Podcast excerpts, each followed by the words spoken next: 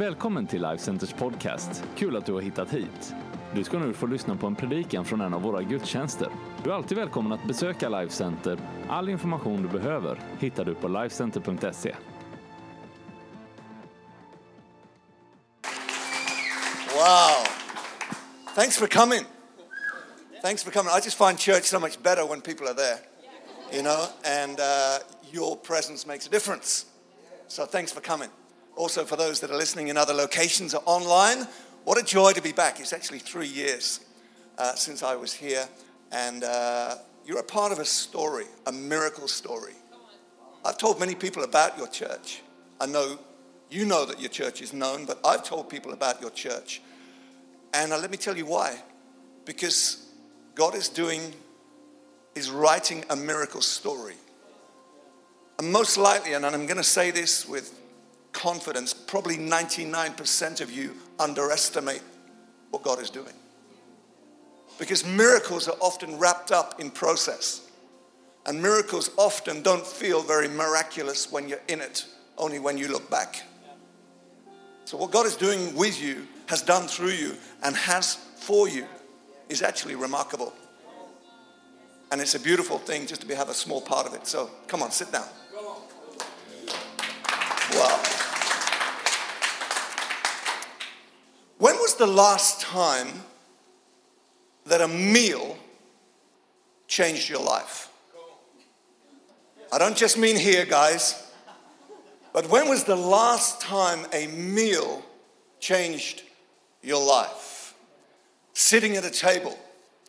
We had a beautiful, not 10 minute snack, but at least two hour meal sat at a table last night. There's something beautiful about sitting at a table with friends and enjoying food, fellowship, and conversation together. So, when was the last time a meal changed your life? When was the last time a table had an impact on your life? Is it possible that a meal changes your life? I believe it is. It is possible, it can. A meal changed the life of Zacchaeus. We read the story in uh, Luke chapter 19. Jesus invited himself into Zacchaeus' house. When was the last time you invited yourself? You're welcome. All of you are welcome. But I want to come to your house. And so Jesus said to Zacchaeus, Come down. I want to come to your house. I want to eat at your table. That meal changed Zacchaeus' life. He was a thief, he was a cheat, and he turned around and gave back everything and more what he had stolen. A meal changed the life of two disciples on the road to Emmaus after Jesus had been crucified, they were wandering through life. They were, they had, they had so many questions. Life had served up something which had caught them by surprise. They did not know where they were going.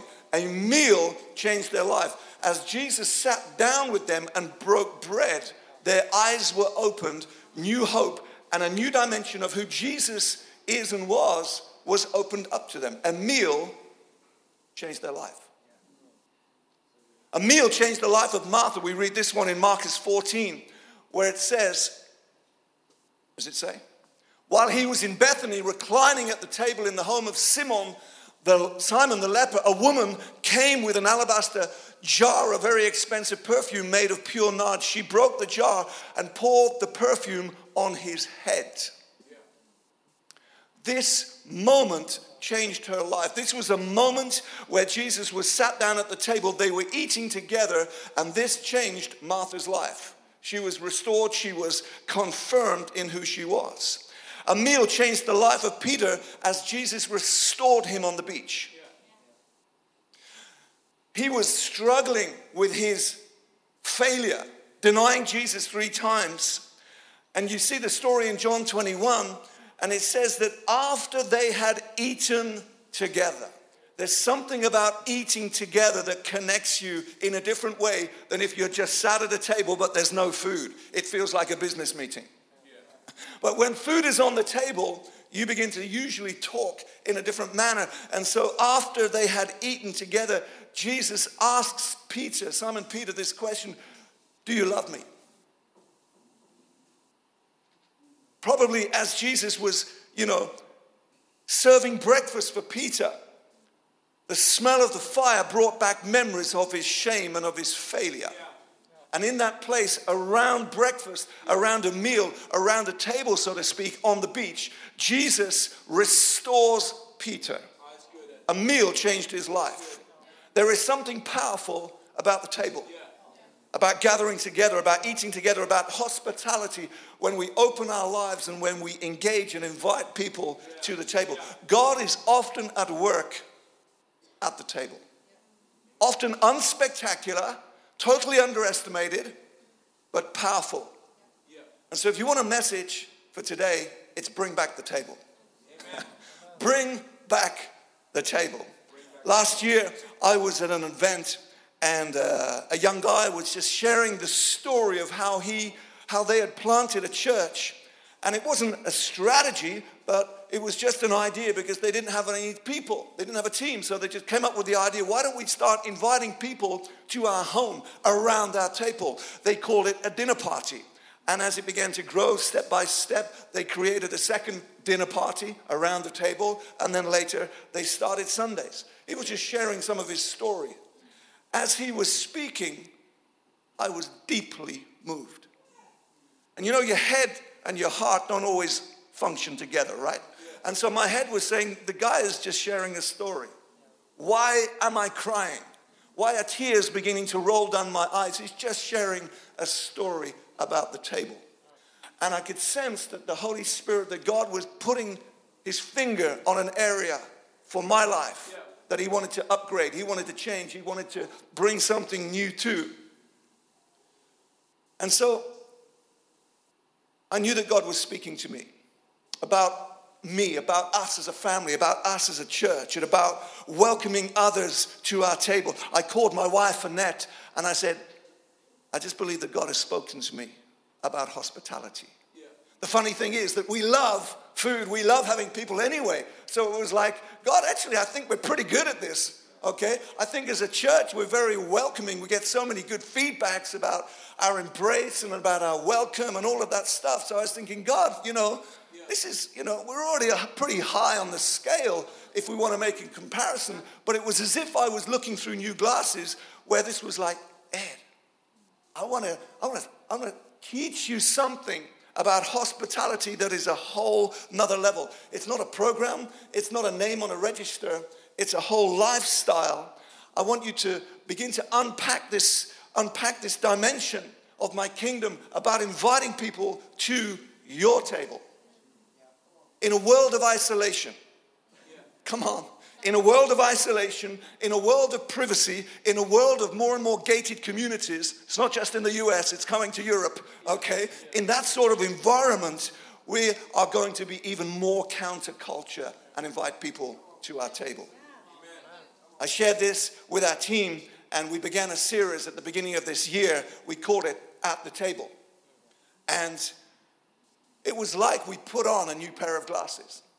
It was like we just began to see certain, we began to read the Bible from a different perspective. We began to see so many stories involved food.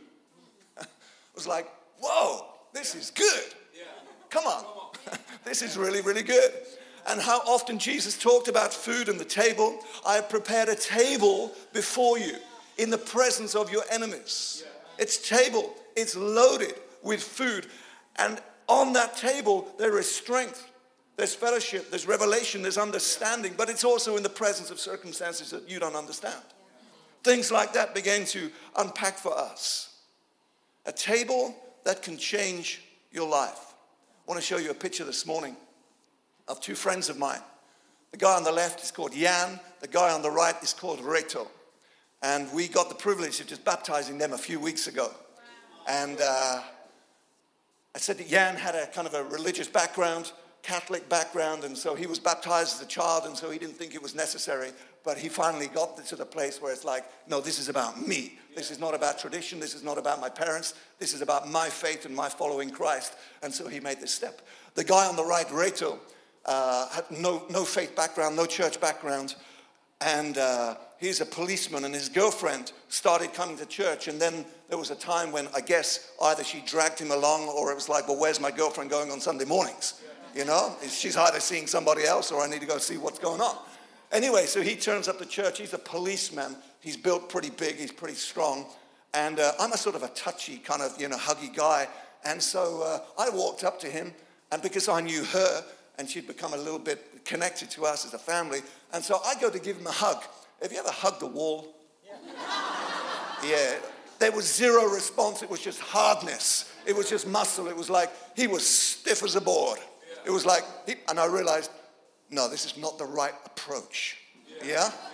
Anyway, he came sporadically, and then a few months afterwards, uh, because of this word that I felt that God had spoken to us, I said, uh, Annette and I, my wife and I said, let's, let's do something, let's try something, but we're going to keep it under the radar. We're not going to tell anybody about it. We're going to open up our table. And we're not going to throw out the invitation to anybody, otherwise, the table's going to be full. Okay? So let's pick some people that we're going to invite just to a dinner party. It's going to be super relaxed. And I had the idea let's bring Reto and his girlfriend. He's not saved, his girlfriend had made a decision. And so we began to sit together.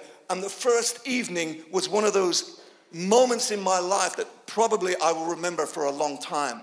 As we gathered around sushi. Anyone like sushi? As we gathered around some sushi, different people at the 10 people at the table, they all brought something, they all contributed. None of them felt that they could do it all, but they didn't have to do it all. They just had to bring something to the table. And so we sat in our garden and we enjoyed some sushi. Over this couple of hours, I began to see the barrier go down in Reto. I began to see his inner walls, his fears begin to melt. He began to open up without him saying anything to us. Okay, these people are kind of normal, they're kind of nice. We can talk about anything and everything. Okay? That was in September, a year ago.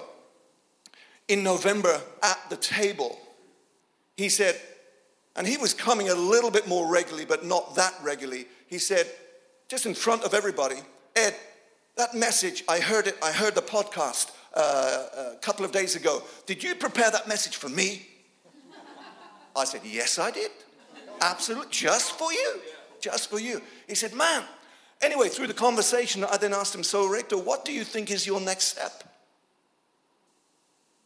Straight out, he said, It's about putting my trust in Jesus. That was November. In January, one of the first Sundays in January, I'm sat in the front uh, I'm sat in the front row. I turn around during the worship, and Reto's got his hands like this. It was like, am, am I seeing this?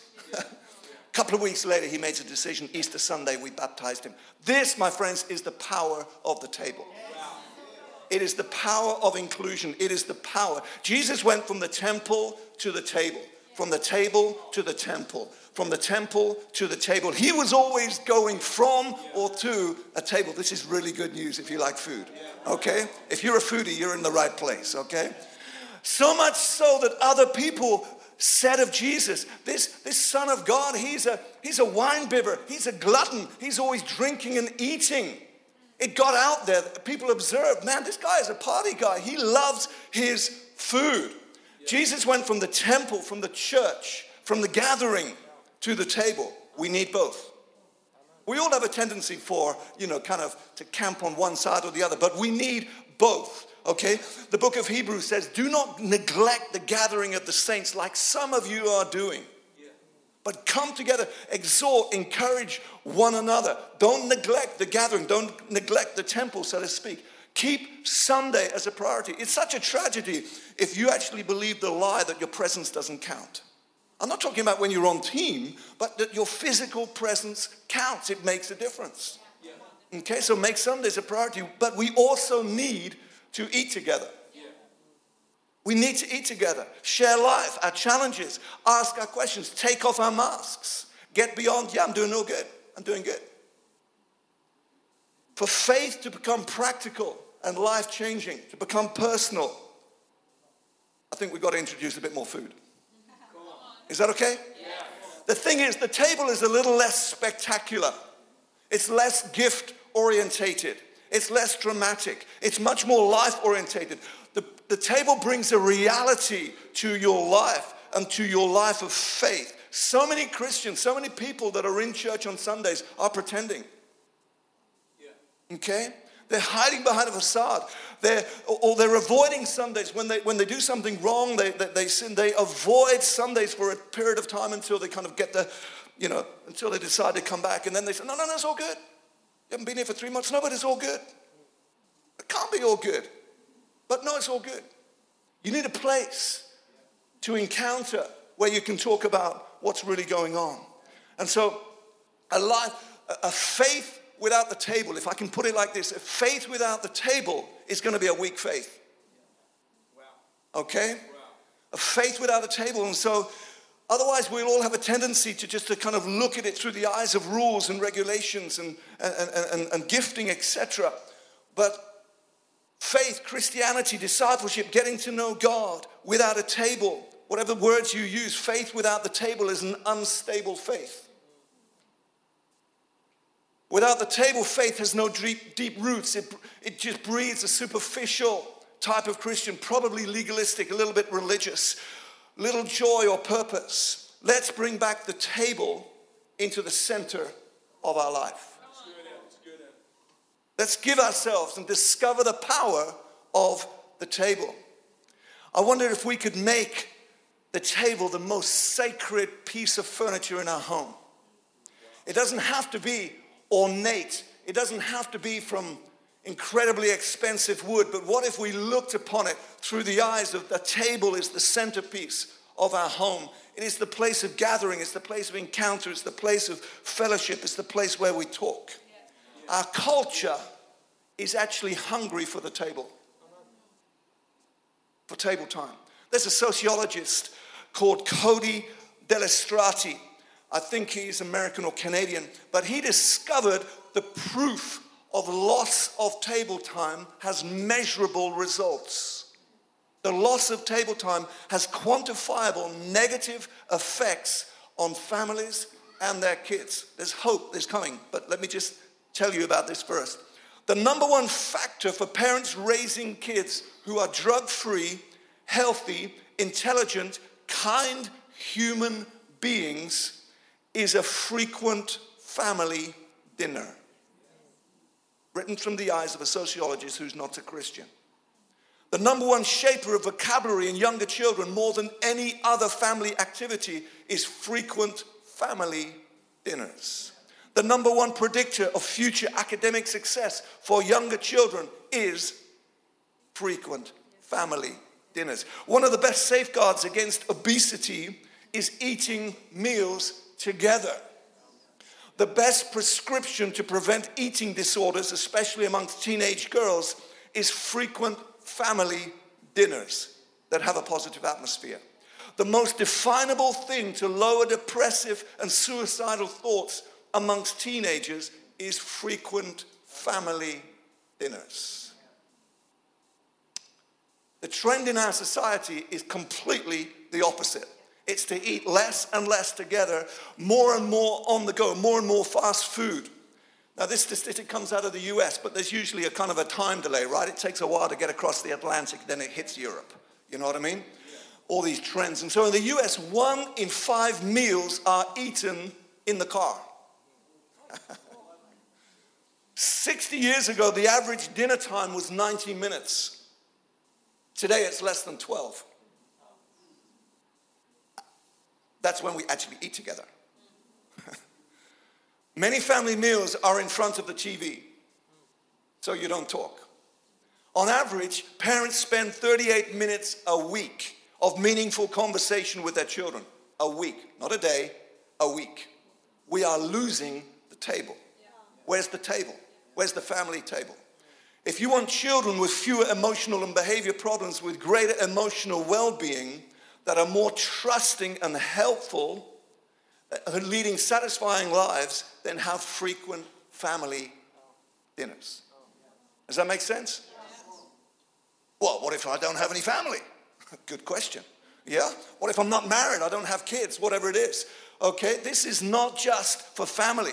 This is arguably, okay, I, I, this is my personal conviction. It's actually healthier to eat junk food together than broccoli alone. Come on, young people. Yeah? I think it's healthier to eat junk food together than just, oh man, I can't do that, but you're alone. But you're alone. So it's not about perfect table time. It's not about how expensive the table is. It's not how perfect or expensive the food is or what's actually being served. It's simply the power of coming together and sharing life. It's powerful without faith, but you add in God into the picture and something else kicks in. You don't just need to be living at home. You don't just to be married or have kids to have a family table. Jesus called his disciples his family. It's an interesting, it's an interesting verse, which is, you know, takes your head, takes a little bit of challenge to get your head around. But Jesus was having some time, and his mom comes and knocks on the door and says, I want some time with Jesus. I've got something to tell him. Yeah? And Jesus says to his guys, says to his new family, Who is my mother? yeah? Who are my brothers and sisters? You guys are. It's really challenging right? And so Jesus, you, you know, has a different perspective of family. It's not just natural family. Jesus ate the Last Supper with his new family, not with his old family. Okay? When Jesus said, Do this in remembrance of me, what we call communion, um, I don't think he was primarily talking about a little sip of juice and a piece of biscuit. There's nothing wrong with that, okay? But I think he was talking about a table, gathering together, eating together. For Jesus, the physical home or the natural family isn't what defines the table, it's the table that you choose to sit at. That defines your home. It's the table that defines who your family is. The table who defines who you are and where you're going. Listen to this one in Luke 22. How have I longed? How does it say it in English? How I have longed to share this Passover meal with you. So Jesus, right, is saying, I have longed to come together with you, to eat with you, to share this meal before I suffer. He was talking about just before he went to the cross. To eat with you, to share together, to be strengthened by this time together before I go through this hardship. In the book of Revelation, it talks about Jesus standing at the door and knocking. Okay? And it says, I'm knocking at the door, and who opens up the door, I will come in and eat with them, and they will eat with me. Yeah. It's about a table, it's about food, it's about fellowship. It beautifully strip, strips away performance, striving. It's not about me as a pastor, it's not about Reto as a policeman. It was just people sat eye to eye at a table enjoying food, and from that time, honesty began to flow.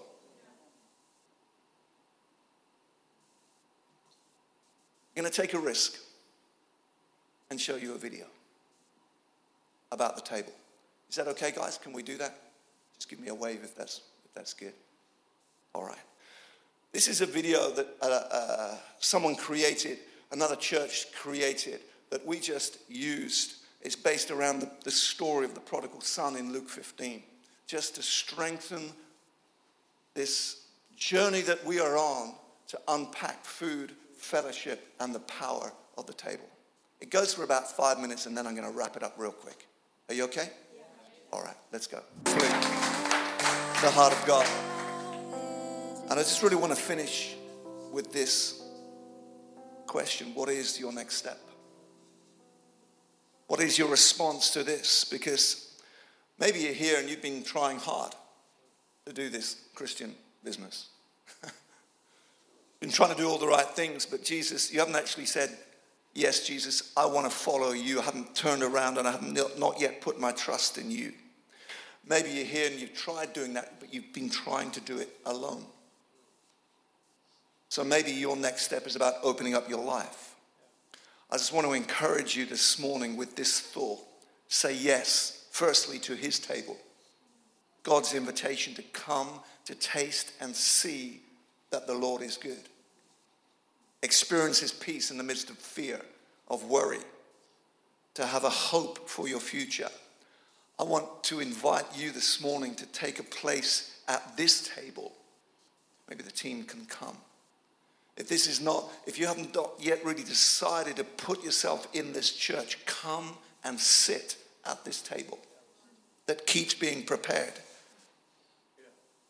See what God does through you. But maybe you're here and maybe it's about you opening up your life and your home, opening up space at your table for others, to invite, to include, to bring, to lift up your eyes to see those around you. You don't have to have all the answers, but you can create a space at your table. Amen. Can we stand together this morning?